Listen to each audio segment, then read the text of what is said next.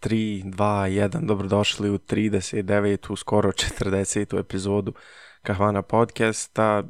Valjda ste svi živ, zdrav, nadamo se ovaj, ovim vremenima. Kao i inače, prvo ćete pitat kako si, jesi živ, zdrav, pa ćemo onda prijeći na neke vijesti iz tek svijeta koje su prošle, koje se desile u zadnje neke dvije sedmice, ja mislim. E, zdravo svima, e, opet smo tu sa vama nakon malo, nakon neke pauze, ajmo reći. Onaj, tako da, e, nadam se da ste uživali u prijašnjoj epizodi. E, vraćamo se našim e, diskusijama o tek svijetu. se stvari se izdešavalo u prethodnih par sedmica. među ostalog, došli smo do onog našeg favorite dijela gdje onaj, govorimo o tome što je Apple izbacio i to da neki način trešamo. Iako, kako ono, mislim, to jeste naše nako mišljenje, onaj, ali ja sam taj koji koristi te njihove kao produkte, hajmo reći. Pa opet mi nekako ovaj eh, posljednji update nije nešto sjeo kako treba, jer isto, isto se prestal trud, hajmo reći. To ćemo više o tome, onaj, naravno, u toku eh, današnjeg današnje epizode. Eh, hvala na pitanje, do ekstra sam onaj, neke nove stvari se i kod mene počele dešavati, onaj, tako da vidjet ćemo kako ću biti u, nekoj skorijoj budućnosti, ali eto možda, čak ćemo možda onaj i prijeći na snimanje u studiju kao na jedna uh, epizoda, tako da I guess uh, be, be prepared for it. ali ono, znate kako je, e, to je drugačije dosta zato što tu ima mnogo duže da sam da epizode izbacuju, ali onda treba ući neki regularni termin snimanja, jer eto i nama je obaveza skoro prolaze, dolazi ovaj ljetni, ljetni tok. E, tako da možemo komotno i da započnemo sa e, današnjim k, diskusijama. e, iOS 16 ili današnjim iOS 16 dolazi sa novim lock screenom, e, nekim algoritmima za, za poruke i nečem, do, dosta nekih drugih stvari ja sam to gledao te neki VVD, mislim gledao VVDC kao većina developera uh, i šta je meni najviše onako zapalo za pažnju kod cijelog tog uh, e, WWDC-a i ove godine jesu dali su neki hajki, hybrid način čak bio da su dali ljudima da prisustvuje, ali opet bilo pre-recorded, e, e, session i bilo je to neki stvari koje su, koje su obilježile to. Jedna od njih je i uh, lock screen. Hajmo reći, znači šta bi to bio e, sad neki novi način, kad kažemo lock screen, e, iPhone ima lock screen od početka, ali šta su to konačno stavili u lock screen?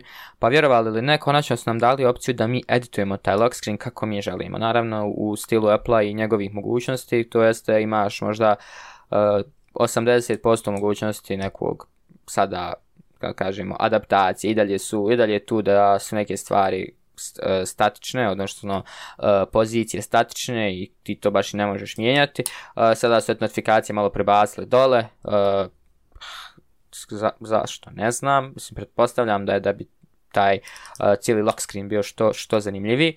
Ali eto, sada možete na lock screen da mijenjate font, možete da dajete neke widgete za lock screen, to, je, to, mi se sviđa kao developeru ta mogućnost da ćemo moći nešto da pravimo i za lock screen. Samim time otvara vam se jedan novi market za, aplikacije tipa kad su iOS 15 izašao i izašao je, e, izašli su widgeti, e, widget Smith je izašao je, skupio je, znači, milion dolar app unutar par sedmica, tako da e, otvaraju se opet takve mogućnosti, ali evo, osim toga, nekog lock screen i, i ti neki stvari, eto stavili smo da dobili smo i neki nešto, nešto bolje kao za, za fokus, iako eto i danas taj Fox kako koristim je totalno neiskorištena opcija, ali ona, evo, Apple je dodao tu neku novu opciju za Fox. Također, uh, iMessages ćemo se konačno moći brisati. Uh, brisati za sve, znači ako, ili editovati čak. Eh, to znači, znači ako imate iPhone i iPhone pričaju ili iPhone i Mac nebitno, ako vam pričaju ta dva uređaja moći biti taj neki, kažemo, undo send. Uh, up to 15 minutes. E pa sad, e, to znači opet ima neka caka kod njih, ali eto, najpar nešto. Vjerujem da je dosta bilo upgrade kod što tiče shareplaya i tako dalje. Sa developer strane je bilo dosta novih e, stvari koje su dodali, deprecirali nekih određenih stvari koje možda nisu trebali, ali eto, kako, šta je, šta je tu je. I naravno dolazimo do onog njihovog dijela gdje su e, introdusali novi čip, novi čip koji je ono što se tiče ARM based čipova, sadašnji M1 čipovi su apsolutno ludilo. Uh, ti čipovi po meni bar e, su nešto next gen, next gen uopćento e, in computing, zato što brzina tih čipova i adaptacija na software na koji su pravljeni je po meni apsolutno, apsolutno ludilo. E, M2, sada će kolika je to znači među M1 Pro i M2 čipa, sve zavisi, to je novi MacBook Air da nam to pokaže. E, također dolazi nam i novi e, Mac OS Ventura, A sad šta imam reći za, za Mac Venturu, iskren da budem, onaj, ha, meni izgleda donekle kao i iOS 16, kao da je, ne da je, ne, ne, ne, ne mogu reći da je nedovršen, nego više mi izgleda kao nešto kao, he, evo, morali smo nešto izbaciti, pa evo makar to, ne znam. Uh, Edo, kako te se čini ovaj njihov novi update, što je u stvari novi update za cijeli OS, znači nije to neki minor patch, nego je to kao update za cijeli OS. Ja, sam naviku mnogo više od apple Ja razumijem te, mislim, jako sam osoba koja ne koristi Apple ekosistem, ali razumijem što hoćeš reći, na primjer, Isto Android ono cilj je da kad objavljuješ novu verziju OS-a, da ne bude to ono samo hej, e, radili smo nešto godinu dana, evo šta smo uradili, nego da bude neki ono useful, kako se to kaže, update, jer koja je poenta ako vi meni svake godine izbacite nešto i nazovete ga drugim imenom, to ipak nije novi sistem. Isto, na primjer, kad u igricama, ono izbaci, imaš ono igricu FIFA, PES ili nešto tako, ono svake godine ista stvar, samo što promijene ime iz 21, 22 i tako dalje. E, mislim, ja se nadam da će neke stvari doći, mislim, dobro je što su ovo došli za, za taj, kako se kaže, widget, to je dobro. Ovo za messages mi nije jasno, ono, možeš po, undo poruku samo 15 minuta nakon što je pošalješ, ono, what's the point, na primjer na drugim, na, mislim na Instagram kad unsendaš poruku, ne piše ništa, ali na, da, a na Messengeru na Facebooku piše ili na Viberu kad obrišeš poruku piše. Da, Message Deleted, da, to je, mislim, Instagram po tom pitanju je gotivna aplikacija, to po pitanju Messenger, jer ja mislim, kad je Instagram tek izašao, da mi neko rekao da ću ga koristiti kao Message app, ne bom vjerovo, ali Instagram DMs je ono jedna od boljih aplikacija za, za, kako kažem, za messaging trenutno. Uh, ha da kažem sada nešto message da mi se sviđa, to nešto što su oni ubacili, iskreno, taj up to 50 minutes, ono ako zazneš se baš pošalješ neku glupost nekom kome nisi trebao, ako nije SMS, možeš vratiti. Ja, i koja je šansa da ta osoba ne vidi to, mislim, ono ako je toliko baš instant, ono, ne znam.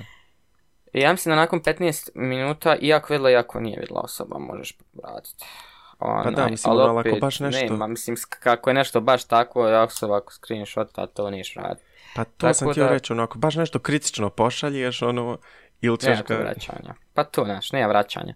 Uh, neto i OS Ventura s neke strane, hajmo reći, to što su oni ubacili, hajde na VM2 čip, to je ekstra stvar i šta je sve u tome, ali eto kažem, onaj, dosta Apple ovaj put išao i na safety customera za, za žrtve nasilja i tako dalje, nešto da kod širanja lokacije i neke stvari, ali Eh, Apple po meni i dalje varira po pitanju security-a i kako gledaju na to, jer ono, ne znam, daješ korisnicima i dalje mogu, mislim, hajde, Apple ima što da location privacy, sad ti na Androidu uvijek imaš mogućnost da isključiš lokaciju, unutar control panela spustiš i isključiš.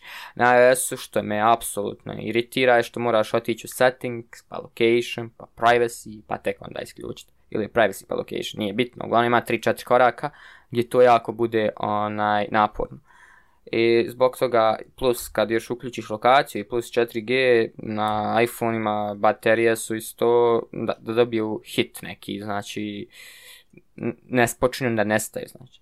Tako da po meni ovaj iOS 16 više im se sviđalo ljudi koncepte što su pravili iOS 16 jer ono budeš excited čak da koncept napraviš onda ti dođe Apple evo ti unsend evo ti uh, lock screen možeš etovati font na, na, na, na lock screenu i to tekst, a brate mili, to je ono minimum, minimuma i to vi govorite, he, evo ti je novi update, ono.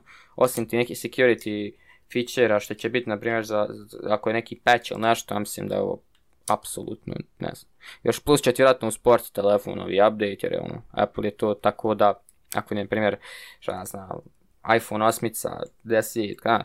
tako da želi da kupiš novi telefon. Tako da ima i toga onaj, koliko je se što isplati na ovaj update updateovat. E, po pitanju developera, sad, na primjer sa developer aspekta, e, bilo je dosta ti nekih e, API stvari koje su dodali nama, ali to su stvari koje će tek možda izvijeti za dvije godine produkcijski, zato što ne možeš nikada podržavaš ono iOS 16 odmah. Čak i iOS 13 se ljudi opitaju da li da i odmah, iako je iOS 13 izašao prije koliko, tri godine skoro. Tako, čovjek može i četiri at this point. Tako da onaj, dolazimo do toga da sve ovo ono, in, in future i nadam se iskreno da će Apple konačno malo stati na loptu i reći hej, pa stvarno bi mogu nešto stati za iOS 17 na primjer, ali ono, jer ne znam, i ovo sad što su za S15 davali do zadnjeg update znači do, zadnjeg, do, do početka ovog VVDC-a, znači WWDC-a, nije apsolutno bilo ništa ono, eh, da, haj stavili su oni fokus, stavili su neki, ali ti ne, bi znao jel si na 14 ili na 15. Ali na primjer skok sa 13 na 14 je ogroman. Tako da, ne znam, šta, šta, šta im je bilo u, glavi po tom pitanju, a naj, ali razumijem te za te update i logično da svi očekuju dajte mi update, ono, nemojte mi dati features, nego dajte nešto, ono, baš pomjerite. Nešto što valja. Pa da, nešto pomjer granice. Jer vi ste ipak kompanija koja je trilionerska i postavite takav sistem i onda kažete, hej, eto, tu smo mi skonta za godinu dana rada. Pa ali ima nešto što se meni ovdje sviđa, jer kod ovog MacBooka, pored M2, to brzo se puni, ovdje sam ja, to da, to je optimizacija. To je optimizacija i bateriju skoro ne troši. Znači. Pa da, 80% baterije za 20 minuta, znači ako kupiš taj brži punjač i plus vidi ovaj kako izgleda ovaj brick, kompaktan je, vrlo imaš dva USB-C izlaza iako je MagSafe ono punjač, što je meni baš baš super ono kad su već napravili. E, to da, to da. on što se tiče i vjerujem da će i iPhone e, koji sad ide 14, ali tako ja? Da, treba 14. iPhone 14 treba znači izaći, ja vjerujem da će tu biti opet znači, veliko pomjeranje u vidu granica kako uređaj treba izgledati. Ali software koji će biti na tom iPhoneu i ovim ostalim iPhoneima, mislim da, su tu zakazali ove godine, bar u mom nekom skromnom mišljenju, vjerojatno se neki možda ne slažu sa mnom, vjerojatno nekim ovo ekstra, vjerojatno se očekivali neke od ovih feature ali iskreno meni kao osoba koja je to iOS developer već par godina, onaj, mislio sam da će dosta neki stvari doći i reći, he, stvarno mogli smo mi ovo dodati što, što, je, što treba da se doda, jer ne iako sad nemaš više niko ni da vodi ovaj mobile market at this point, Apple je prije vodio sa, nećemo reći sa featureima, ali ćemo reći sa nekim inovacijama, donekle. Uh, oni, uvijek oni idu sa play safe.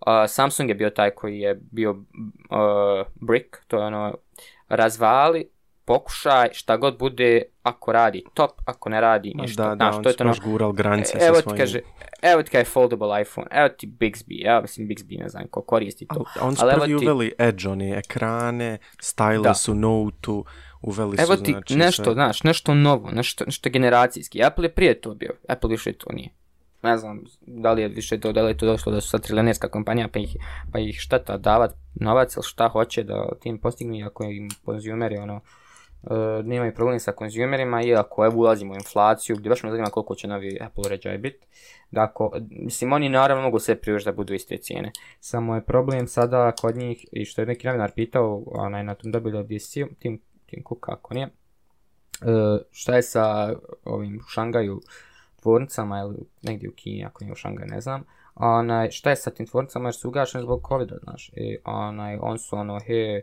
čovjek ga je iskulirao jer ne smije ništa reći, ali je, to sad, ali je sad to isto real threat, znaš, ne, da, kako će oni da matchaju supply and demand. Tako da, ne znam, to je neke stvari što, što se općenito tiču svijeta teka i što tiče chip shortage-a uopćenito, tek, taj dio, da imaš ono chip shortage gdje je auta sad odjednom se opet postaje sve analognije, analognije, ali ljudi čipa da ubaci jer se je našao.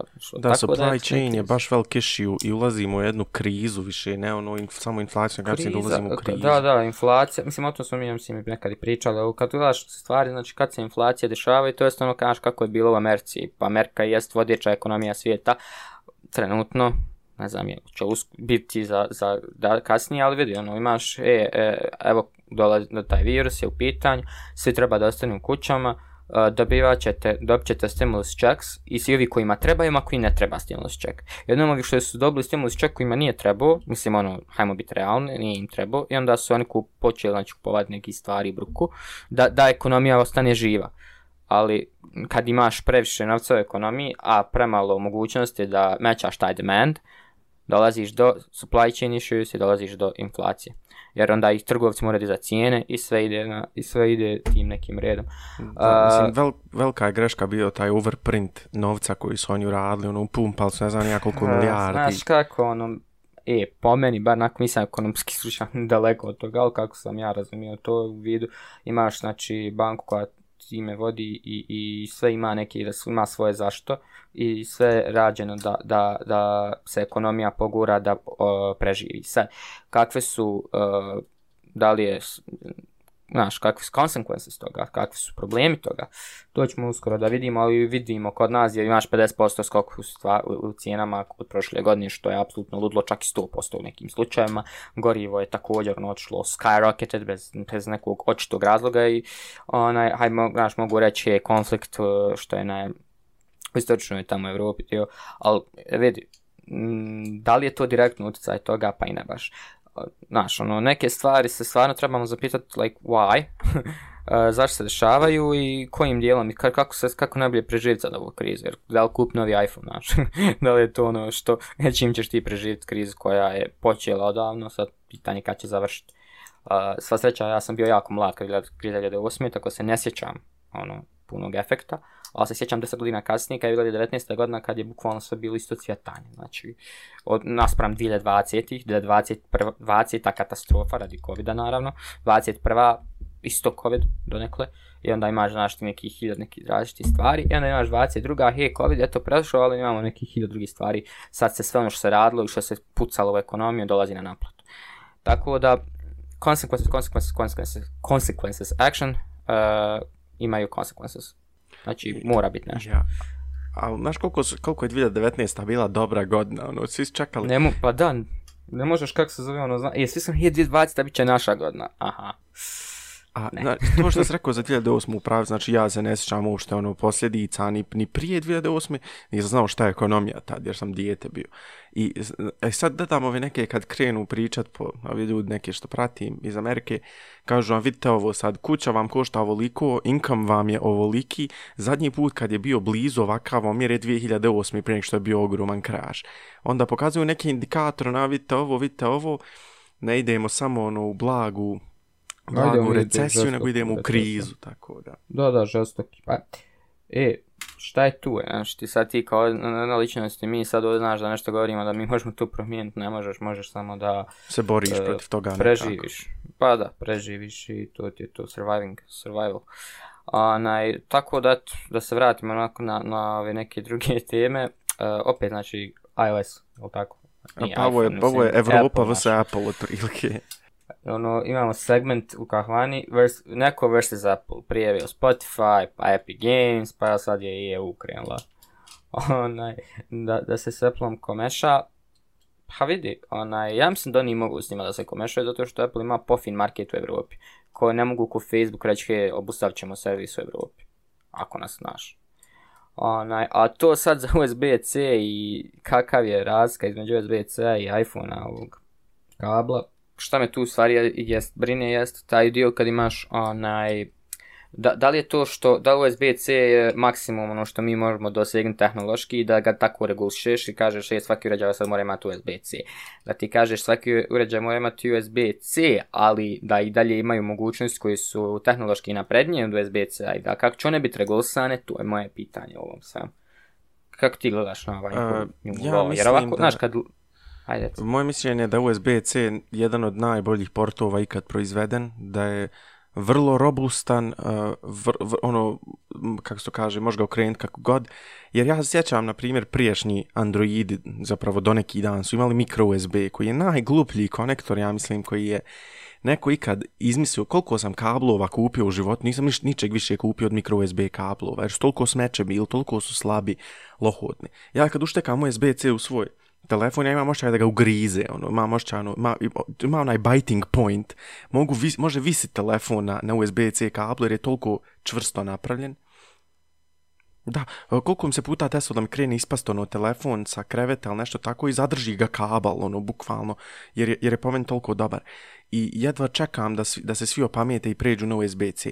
Eh, sam Apple je prešao na USB-C na iPadima, ali nije još na iPhone-ima. Zašto, zašto to nisu radili? Zato što imaju licensing fees, Znači, da bi neko legalno proizveo eh, USB-C, nije USB-C, Lightning kabel u Kini, gdje god, mora Apple platit porez. Znači, ja mislim ili 10%, nebitno. Oni ima uglavnom percentage na svaki kabel proizveden i prodan ono, da, bukvalno moraš imati Apple license da bi, da bi legalno proizvodio. E sad, ja mislim da on, naravno, ima i legalnih proizvođača, da se razumijemo, ali većina ovih drugih legalnih, mislim, ova većina legalnih moraju to uraditi po pravilima i moraju Apple platiti. I zato Apple ne želi uvesti mikro, nije mikro, ovaj, USB-C na iPhone, zato što im je to najveći selling onaj device, ja mislim, i logično da žele uzimati tantijeme, tačnije porez na svaki prodani kabel koji neko kupi, a srećom iPhone kablovi su vrlo nekvalitetni i, ono deru se konstantno i svi kupuju nove i logično je da žele zadržati te pare. A da, da, se, da se vratimo i na ovo, iPhone 5 je prvi imao Lightning 2012.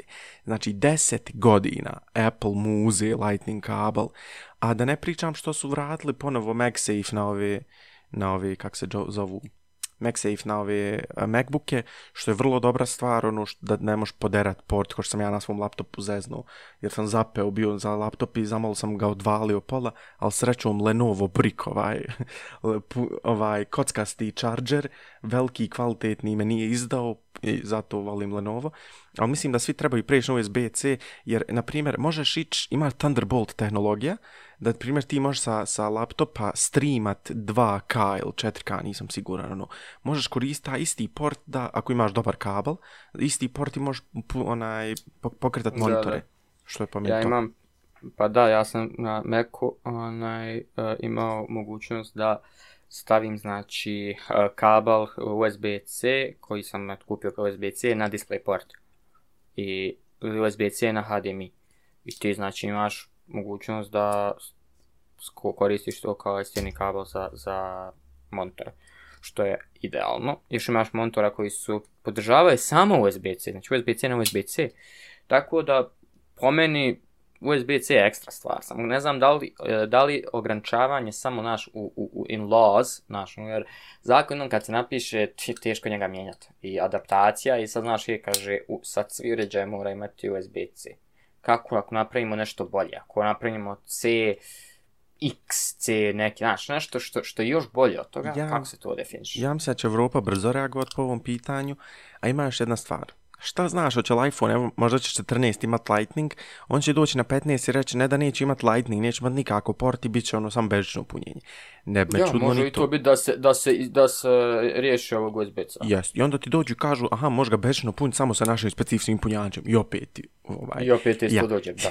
E, Apple je Apple i Apple će se boriti životom za svoje pare i to da se razumije. Pa znaš šta, oni imaju dovoljno para da se borije za svoje pare, tako da, da. ono, mogu i, i to nekako. samo da, da, da još ovi ljudi koji nas slušaju shvati. Malo prije smo pričali o tom punjaču za MacBook. Znači, kupite MacBook punjač koji ima samo dva izlaza i iz sebe i to C izlazi. Znači, četiri, četiri, četiri ne, e, punjač ima dva izlaza, Aha, punjač. Aha, ja, ja, ja, Ima samo dva izlaza, MacBook imao samo taj MacBook Pro prošle generacije, samo četiri USB-C izlaza. Onda, šta Apple uradi? Prodaju ti punjač koji, brick iz kojeg izlazi samo C, a moraš uštekati u telefon onaj Lightning. Znači, to mm. izmisle ljudi kabel koji nikom ne treba, samo da ti ga mogli prodati. Pa dongle, još ti napravi dongle life. Ja, užas, mislim, stvarno. Dobiš dongle life, pa to... to je, znaš, neke stvari koje su, ono, po meni, onako, tipa apple i ostali stvari normala, što su oni, mislim, navikli to da radi. Tako da, znači, kod sam, općenito ti, hajmo reći, USB-C ti kablovi, onaj, po meni, nema ništa loše u ovom. Osim, eto, ne concern kako će se to update-ovati. Ali kad sam već kod update-ovanja, e, znaš se, naš prijatelj, e, standardni gost ove Friend of the show, Friend of the show, Elon Musk. Uh, ja stvarno ne znam onaj, kako više čovjeka da oslovimo, ali mi smo pričali o njegovim podhvatima i o tome kako je šta je sa Twitterom i taj purchasing Twittera. Mi kad smo u zadnjoj epizodu imali, bilo je da se treba kupiti Twitter. Uh, od to da se Twitter nije kupio. Uh, E, Musk je rekao da je previše botova na platformi, ako se dobro sjećam. E, tako da e, value koji je rečen za, za Twitter je taj koji ne vrijedi. Tako da onaj, ili će, je bilo combat, ili će biti neki novi e, price, ili je ga, treba gas neke botove ili nešto, ne, stvarno ne sjećam se te priče više, ali znam da se konstantno mijenja ali e, on također nije samo vlasnik spacex SpaceXa, nego je vlasnik i tesla E, odjednom Milono je pokupio, valjda više i ne želi da njegovi uposlenici rade od kuće, e, ovi koji vjerojatno rade corporate dio, zato što pretpostavit ću da je ovi što rade u fabrici da baš ne mogu take home, znaš no, work, work da, da vode kući. Tako da ćemo reći da su neki corporate workers i da je njima poslala znači, poruku da se moraju vratiti na radno mjesto, ti neka grupa, e, koliko je ta grupa ljudi sva ne znam, ali treba da se vrati znači kao u office, inače će ih otpustiti. Zvuči kao Elon Musk move, čime, čime, hajmo sad to pitanje čime izazvan. Šta ti misliš, šta, šta ga je natjeralo na ovakav? E, on je sam rekao da ima very bad feeling about the economy i da smatra da je Tesla overstaffed, da imaju previše radnika, ovih, kako se to zove, ne, mislim, on je rekao kao da će, e, da je ova zabran, mislim je zabran, nego odluka da se svi moraju vratiti u ofise, e, ne odnosi se na to na ljude naravno koji rade u fabrikama, koji prave baterije i koji postavljaju solarne panele. Znači zapravo ovi non-physical workers koji su možda administracija, HR, marketing, šta već, ono, ti ljudi kao da ne mogu više rati od kuće ili da dobiju, ili će ono dobiti otkaz, a e, ta odluka se odnosi znači na te ljude i na e, to da ima loš, od, loš osjećaj ekonomiji i da želi smanjiti svoj, svoj broj zaposlenika za 10%. Ovdje sam malo prije isto pročitao da, da je Tesla povećavala svoj broj radnika vrlo vrlo brzo zapravo i da, da, da vrlo brzo su mu rasle brojke, znači e, sredinom 2020. je imao oko 50.000 zaposlenika, a sad ima skoro 100.000 zaposlenika. Znači čovjek je za dvije godine uduplo čitav staff. To je, to je znaš koji je to scale? Plus otvara u Berlinu e, Gigafactory, mislim da ga je otvorio. I naravno, čim je ta odluka, čim je on to objavio na Twitteru, da će planira otpustiti sve ljude i tjerat ove da rade uživo, odmah se najveći e, njemački sindikat autoradnika digu na noge i rekao ne može on raditi što on hoće. I mislim da će, da će Elon Musk tek sad dobiti osjećaj pravi njemačke. On je imao osjećaj do sad pravi njemačke, kad je ono, aha, da, dobro, sredili smo prostor, pratimo zakone ekologiji, sve ono, supply chain ide dobro, rade ljudi dobro, sve ono ide po PS-u, ono, pravo njemački. I sad će on tek oksit pravu Njemačku kad mu se dignu na noge najveći ovaj sindikat radnika koji čine sigurno ljudi iz Volkswagena, Mercedesa, BMW-a, e, Opela, znači to su hiljade i hiljade i hiljade ljudi koji, s kojim Elon Musk ne može baš raditi kako on hoće, kao što je u Americi mogao. Tako da mislim da će on dobiti sad pravi čaj Evrope i vidjet ćemo šta će s tim biti, jedva čekam. Ali, jer, jer Evropa, pogotovo Njemačka i, i Amerika i United States of America nisu ista stvar, tako da će on dobiti taj osjećaj što znači rat u Europi i ako već želi rušiti njihovo auto tržište, eto sad će vidjeti kako to ide. Ne znam kako je tvoje mišljenje, ja mislim da ljudi ako završavaju svoj posao od kuće, completely trebaju imati mogućnost da radi od kuće. Stoga tiče remote work veliki, veliki, veliki fan remote work, jer sam radio remotely koliko, dvije godine. Onaj, tako da, po meni, to, ne, ja mislim da tu ima nešto mnogo više od, od, od toga da je njemu jednom pukao film da ne vidi ljude na, na poslu, onaj, iako po meni mogu reći pa uštedjebine, bi na prostoru koji je potreban za ofisa, ako je to tako sve kako radi. Ali šta bi tu moglo da bude problematično, vjerovatno je to što on vidio da možda e, ljudi ne mećaju, ono, on je poznat bio je rigorozan po pitanju rada i vjerovatno ne mečaju te njegove, e, njegova očekivanja od kuće. Onaj, tako da pretpostavljam da je u tome najveći neki problem, plus to što je Tesla stock overpriced, plus to što je on srušio Tesla da bi kupio Twitter, hajmo biti realni koliko je oborio znači, cijenu stoka Tesle, to je apsolutno ludilo onaj, da bi kupio Twitter. Znači on je morao da, da i, kako si da uzeo oko 20 milijardi i dva je uzeo kako se zove stoka je prodao 20 milijardi a se prodat stoka Tesla 20 milijardi vrijednog stoka. Pa to obara cijenu samo tako.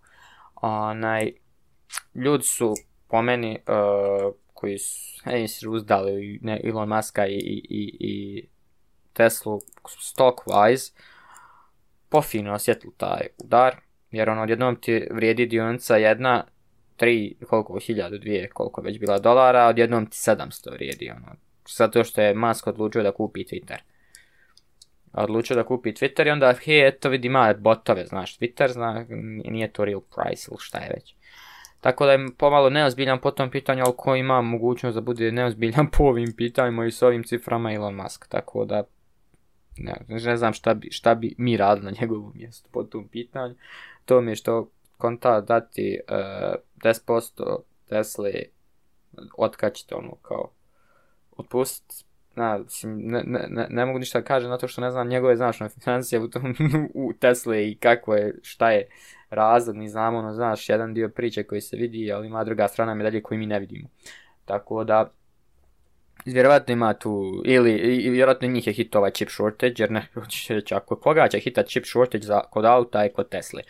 Mislim, ono, ako, m, mm, hajde imaš i raw materials da praviš svoje čipove, ali to je potrebno vrijeme, na i ulaganja.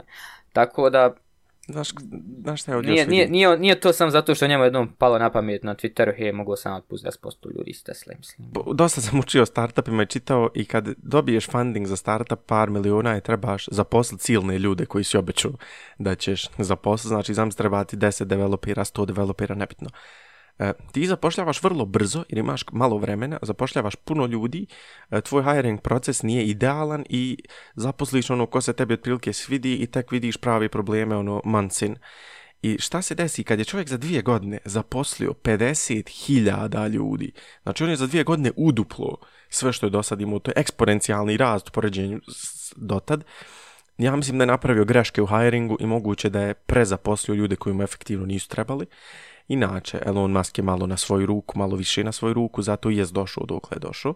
I zato mislim da, da je sad možda shvatio da 10% firme ili 10.000 ljudi mu ne trebaju, što je fair ljudi, ono, kad skontaš da imaš viška ljudi, ako ih ne možeš zadržati, ne možeš, džaba što si mil, vrijeda nekoliko milijardi.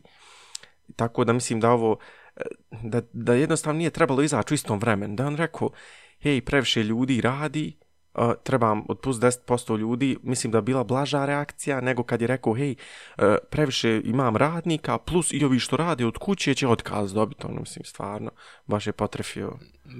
Pa to ima još jedna stvar što je, ono, ne znam koliko je kontekstualno i, pa jeste nekle i bitno, jeste to da je Elon Musk se nedavno onaj, prema, uh, jel to, jes, desničarska, republikanci desničarska, Onaj, i, iako mi ovdje bježimo od politike, ali maj treba je kontekstualno i tu spomenuti da je vjerovatno sad ovo sve što se dešava da ima veze i sa tim uh, medijska hajka, medijska hajka na njega vazda i god bio, ali opet je pitanje to, ono, ko kupuje ta, da kupuju left wing ili right wing ljudi.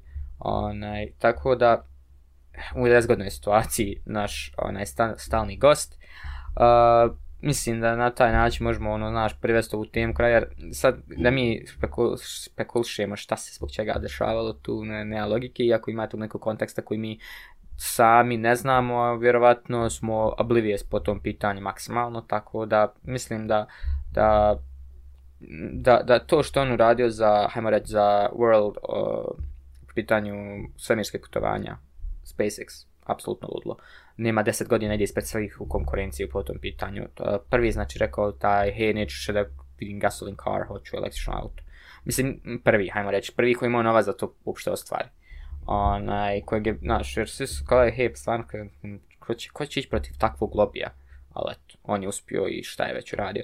Tako da, teško je, teško je te medalje okretati i vidjeti onaj koju je nije, ali kad sam već kod okretanja eh, gasoline car to election auta i Tesla i sve, ko bi rekao da, da će teka doći zakon od, iz Europske unije da sada nema više od 2035. prodaje novih auta na dizel i na gasoline. Samo, samo gasoline ili dizel ovdje? odnosi se i na dizel i na benzin, samo je ovo CNBC Uglavnom, pa znači... pa napišu gasoline jer ono... Na, tako da, tako da po tom pitanju mislim da je dosta također e, pridonio da bi došlo do ovakve revolucije i vidjeli su da mogu auta tako da se pravi. Uh, I još jedna stvar, a to je e, koliko je to, hajmo reći, tipa imaš znači ne smije se jedno, jedno novo auto biti gasoline od 2035. To je neki možda, koliko, 14, 13, 13 godina. Za 13 godina nijedno auto neće smjeti biti dizel novo prodano. Iako će dizel auto biti na svijetu još naredni 50 godina. Ma sigurno. dok, dok, dok, je, dok ima potroš, dok ima ono, znaš, supply and demand. Ali hajmo reći da je ovo ozbiljan korak prema elektrik, elektrifikaciji Uh, voznog parka Europe i voznog parka općenito i svijetu. Mislim da će slično nešto se desi zato što, hajmo reći, konat, mislim, hajmo, lobby, lobby je i dalje tu, znaš, da me zanima samo kako, kako će ovo stvarno proći. Ali me isto tako zanima, uh, tipa sad mi uzmemo ta auta i da li će sad, na primjer, imaš električno auto. Ja imam električno auto i hoću da idem iz Sarajeva za London. Ok, imaš La Manche, tako, onaj, ne moraš Trajektom, koliko ja znam onaj, ako mi geografija dobro služi, je da ispravim ako sam krivo. Možeš autom prijeći, da. Možeš, ali tako, da lamaš. A, tako da dođeš tu, e sad imaš taj problem gdje ti je ono, gdje Britanci voze potpuno drugačiji, aj taj dio. Ali da li možeš ti doći autom dotle, električnim, i koliko je punjenja, i šta? Jer trenutno svako kako znam, punjenje 3 dolara i full, full ono, punjenje, ili čak negdje i besplatno, ili, znaš, neke stvari su tu, too good to be true. Sad, kad se, e, zato što ima malo tih auta, ali sad kad se bude moralo praviti toliko tih e, punionica, treba i struju tu platiti. nije od nekud ta struja, znaš, tako da vid vidit ćemo, kako, će se onaj, razvijati taj market, bar po meni neko razmišljanje. Znaš kako će ovo ići? E, ovaj zakon možda nama malo zvuči čudno, ali uh, čitava... tako dobili smo čak 15.000 maraka da kupimo električno auto. Ne, možda 5, ili 10.000 maraka za kupovinu. Uveli su napokon su... Ne, napokon smo dobili subvencija, mislim, u Federaciji u Bosni i Hercegovini da možemo kupiti. auto, da, to 10.000 maraka je za električno auto, čista struja, 5.000 5000 eura, eura. Ili 2500 eura za kupovnu hibridnog vozila. Ali najjeftinija hibridna vozila nisu uopšte jeftina, tako da, vi, da bi kupili novo hibridno vozilo, vjerovatno vam trebam sim 40.000 eura bar, tako da sretno s tim u Bosni i Hercegovini. Ali, šta, šta sam ti reći, čitava autoindustrija industrija je upravo spremna za ovaj korak, jer je BMW, Mercedes, Volkswagen, svi su oni objavili da su davno prestali, mislim nije davno, prije, zadnjih par godina ali najkasnije sad, prestaju razvijanje prestalo sa razvijanjem dizelskih i benzinskih motora, čistih. Šta to znači? Prelaze svi na minimalno hibride, u naj, najgorem slučaju hibride, ali u najboljem slučaju električna auta. Hibridna vozila ostaju samo ova neka e, sportska, kako sam ja primijetio, e, ono, ili će i prekinuti nakon toga, na primjer, sad upravo izlazi BMW M2 zadnji koji će izaći, ovaj najnoviji model koji još nije objavljen, će biti zadnje BMW M vozilo na čisti fosilni pogon, sljedeći će već biti hibridi, što znači da će ta auta biti brža, ali onda ljudi koji vole auta kažu ne želim električno auto, želim čisti benzin, pa onda ima tih car guy problema, ali svi su oni spremni za ovaj korak i sasvim je logično da se zabrani prodaja. Mislim, nije, nije logično da se zabrani, ali ono, ljudi bi oni sami onako prestali. Sad, da li do 2035 ili 40, e, tako da. Ali ima još jedna zanimljiva stvar sa, sa ovom zabranom. To je da e, prvo, on su, što kao što sam rekao, on su svi spremni, ali ovo je zabrana, odnosi se samo na passenger vehicles, znači na civilna, ono, obična auta i na kombije. Za... A ne kamioni, ne kamion će ostati dizel još dugo. Znači... I, e, ali vidi, ima to logike, kad skontaš, jer evo imaš uh, Tesla semi truck. Mi smo o tom pričali, na Tesla truck kad je još bio nekad u prvim epizodama, možda i nismo, ne sjećam se. A kad skontaš ima logike, jer ti, kolika je e, nosivost jednog kamiona koji je dizel, koji ima, znači, da bude full gasoline, full tank, onoga goriva i kolika je njegova nosivost.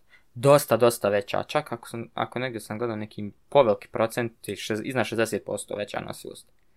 Isplativo, i dalje isplativo da ide se sa tim autom Mislim sa tim prijevozom, ti s dizelom, kamionima ili kaj je već benzinac. Ali naspram, na primjer, Tesla sam i čovaka, koji je trebao biti ono revolucija po pitanju transporta. Ok, imaš ti autopilot, aj ok, imaš ti neki stvari, ali imaš lošu nosivost, a za kamione šta bitno? Nosivost.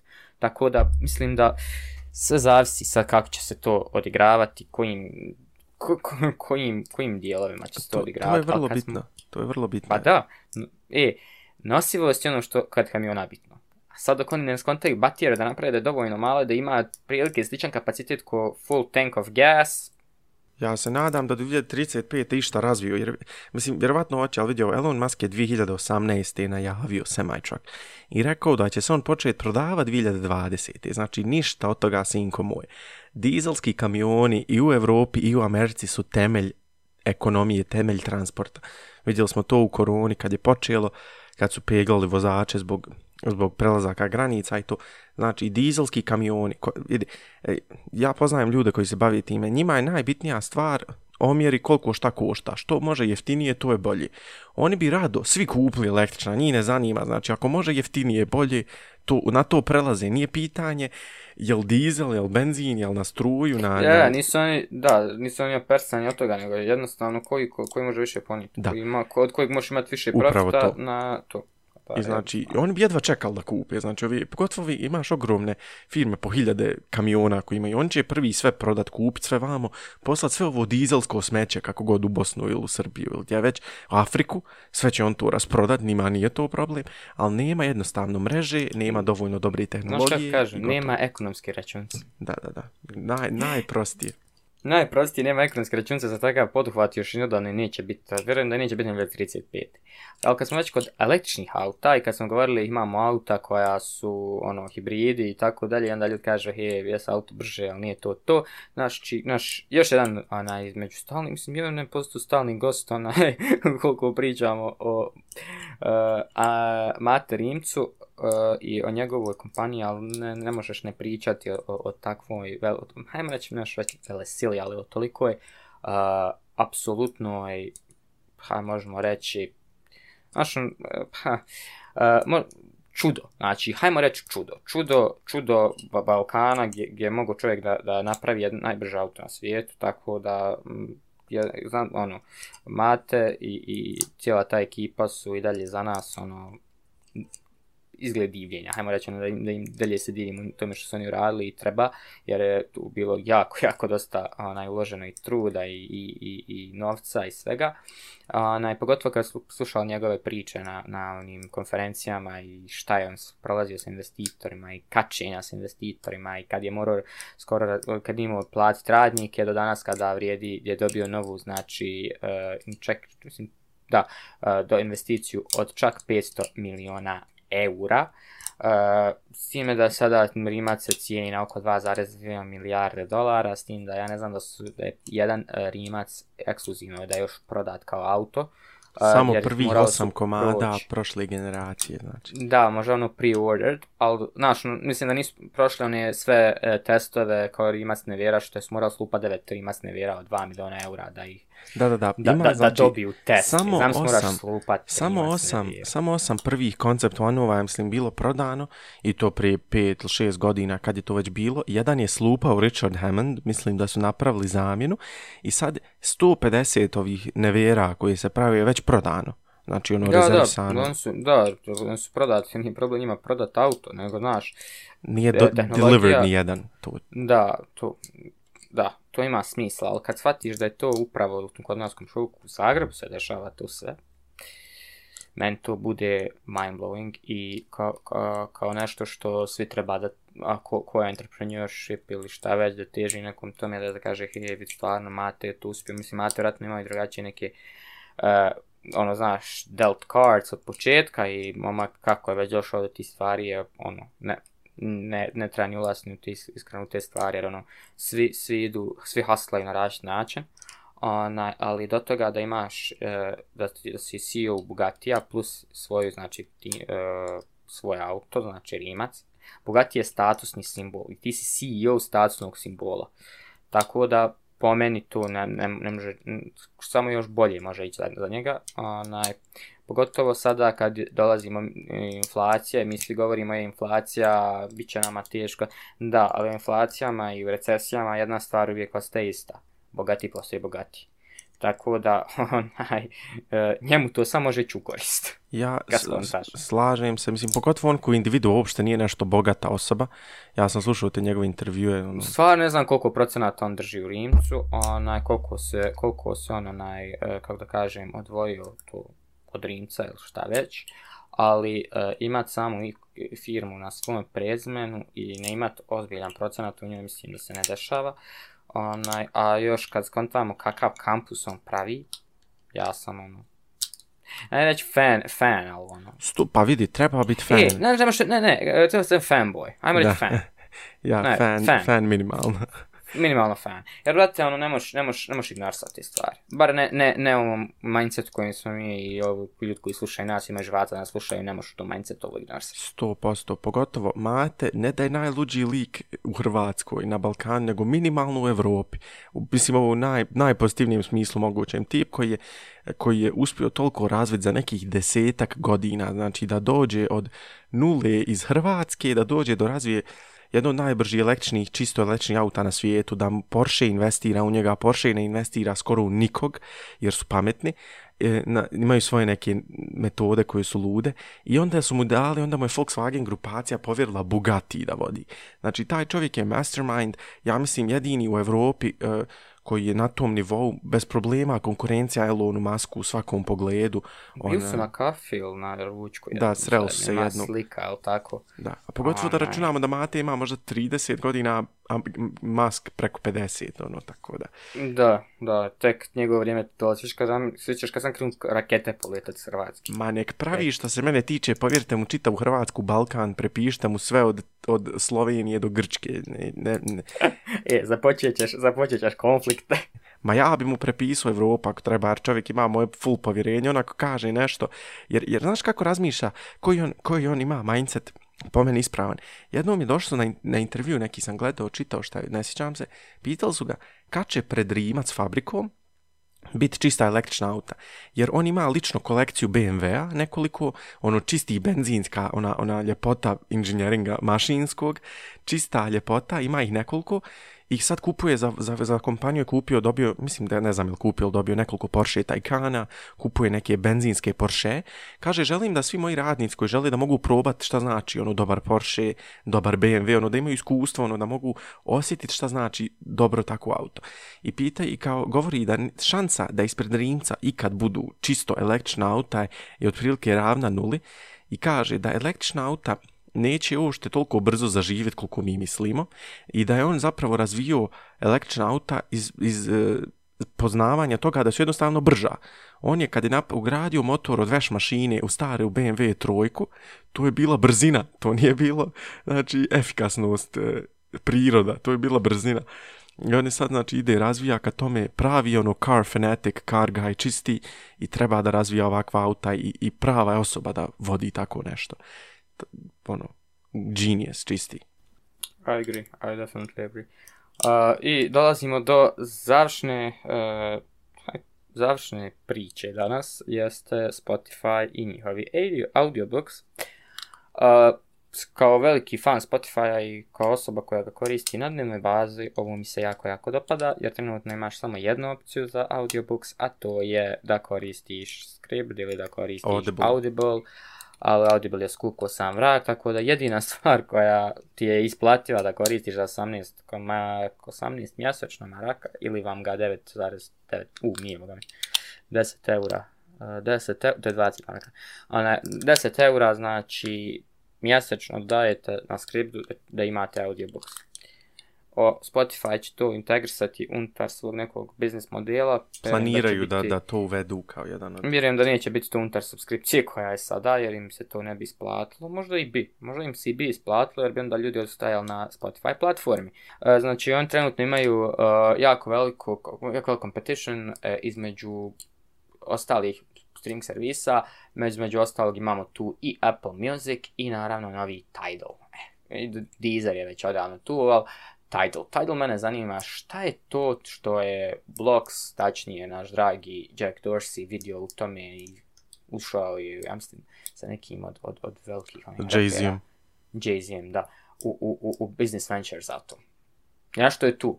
Tako da Spotify ima, o, imaju on trenutno dovoljno sredstava, novca za to, da ovaj dio pokušaju, jer im je, hajmo reći, Podcast jedno da im je propo, ali nije baš ni, ni najbolje prošao od strane kad su kupili od Joe onaj podcast i šta je već bilo tu, eh, tu bila problematika ta silna. I onda još video podcast koji još ono, neki imaju prava, neki nemaju, što je isto ono, ok, ali ono, for how long. I eh, ovo za audiobooks, vjerujem da će to biti neki separate, separate cost, jer čisto da se njima isplati to rad drugačije, jer tu, pogotovo kad su knjige u pitanju, copyright, licenses, to, to, to, kad, to kad sam čuo koliko je, mislim, čito već šta, koliko je to komplikovano. Ti imaš, znači, uh, određenu knjigu, ta knjiga može biti prodana u toliko i toliko primjeraka i, i toliko i toliko audio dijelova i to. Znači, to je sve ograničeno. I sad, Zbog te ograničenosti imaš razliku između supply and demand. I sad da li će tu biti ono, hej, znam knjigu za 3 dolara, ili će biti, hej, evo ti cijela knjiga na full subskripciji, mada čisto sumnjam da, će, da, da to se isplati kad skontaš. I zbog licensing deals, i za copyright ili šta već.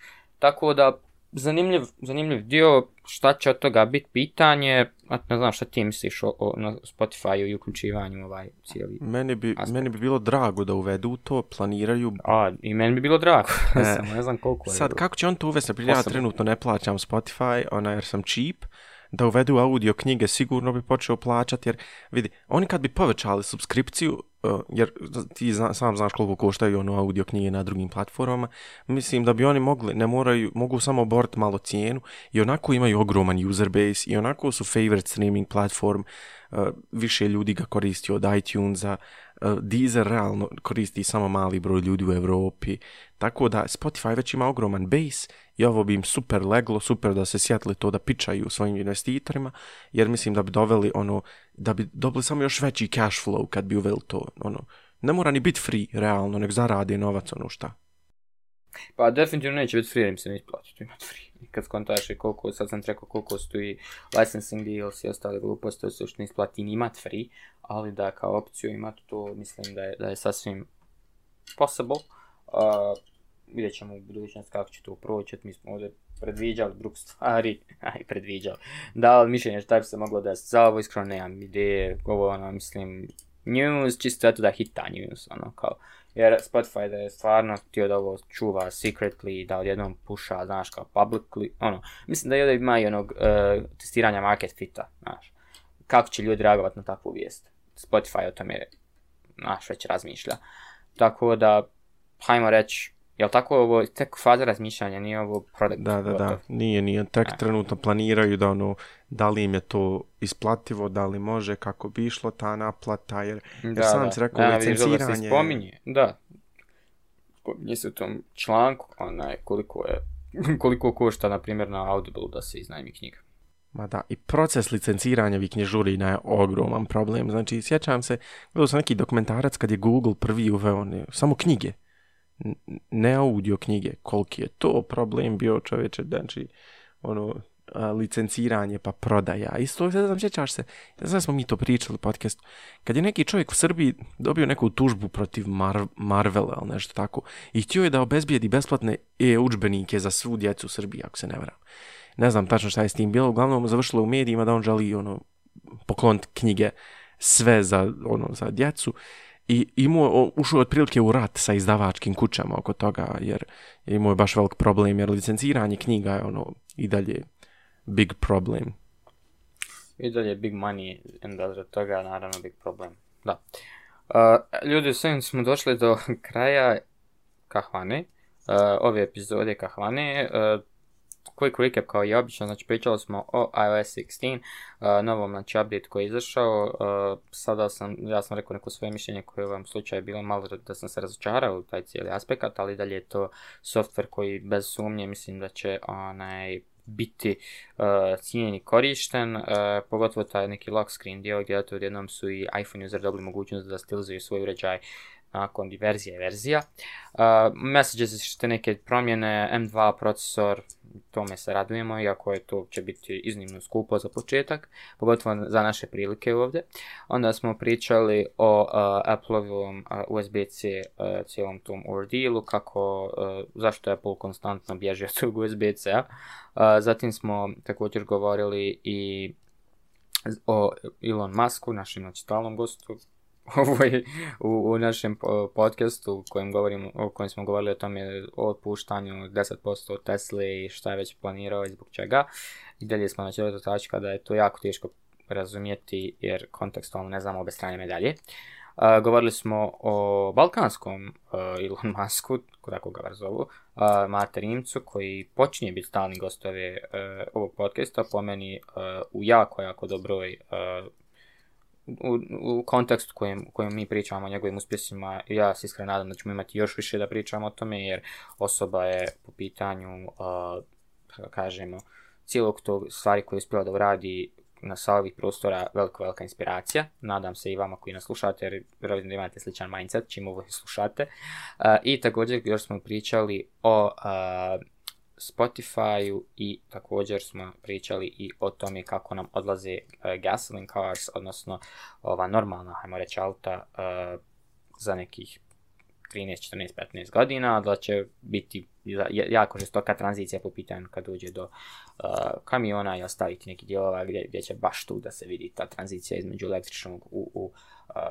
uh, u, u, električna vozila to bilo to, ja ću obično, kao i obično, onaj, kažem da su ovo samo naše mišljenje za sve ovo, da nijednom drugu nismo nešto profesionalno orijentisani, moja jedina profesionalnost u svemu je možda u tome što sam eto iOS developer već neko duže vrijeme, mogu da kažem neke stvari što mi su mi se svidle, kod stvari koji za, develop, za developere Apple, a ovo za konzumere sve to lično i kako subjektivno budete razmišljali o tim nekim stvarima.